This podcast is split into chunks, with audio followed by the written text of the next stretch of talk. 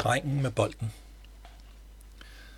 Mine forældre køber et dødsbo i Alberslund, så vi flytter fra Brøndby og ind på gamle Møllette, Møllergård, hvor min mor falder igennem de rådne gulvbrædder, og min far køber en rendegraver og er ved at flå taget af en af længerne, en dag han glemmer at sænke skoven. Naboen har en dreng. Jeg møder dig første gang i sommeren 92.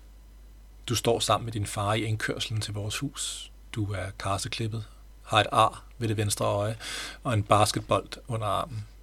Jeg er generet der går ikke ud til jer. Dine øjne forkommer mig stridende, stålsatte og vibrerende elektrisk blå, selvom jeg senere erfarer, at de er grønne. Dit smil får mig til at tænke på en rev, og jeg føler mig retarderet, sådan som jeg bare står og glor. Akavet. Det er min far, der med en omsorgsfuld hånd i ryggen fører mig ud til de to gæster.